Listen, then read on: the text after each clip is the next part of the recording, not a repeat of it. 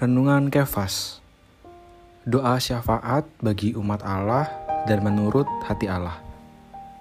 Pembacaan Alkitab di dalam kitab Filipi pasal 2 ayat 20 sampai 21 Karena tak ada seorang padaku yang sehati dan sepikir dengan dia dan yang begitu bersungguh-sungguh memperhatikan kepentinganmu.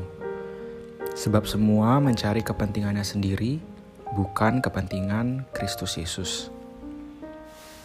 Ketika Allah mewahyukan kepada Abraham apa yang ada dalam hatinya, Abraham segera mengerti maksud Allah. Kelihatannya Abraham berdoa syafaat bagi Sodom. Sesungguhnya ia berdoa syafaat bagi Lot. Allah tidak menyebut nama Lot kepada Abraham, tetapi Abraham mengerti. Mereka saling mengerti, sehati dan sepikir, karena mereka adalah sahabat karib.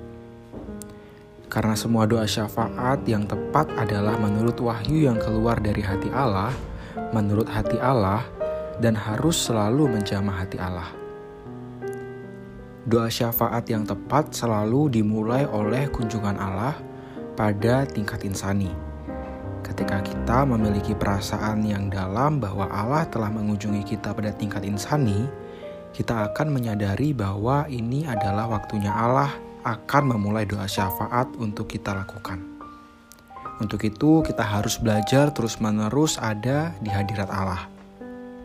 Jika Dia mulai pergi, kita harus tetap tinggal di hadiratnya dan memberitahu Dia, "Tuhan, aku tidak mau kehilangan hadiratmu. Aku ingin terus-menerus di sini bersamamu." Sobat Kefas, doa syafaat bukan sekedar doa, Doa syafaat adalah percakapan yang intim dengan Allah.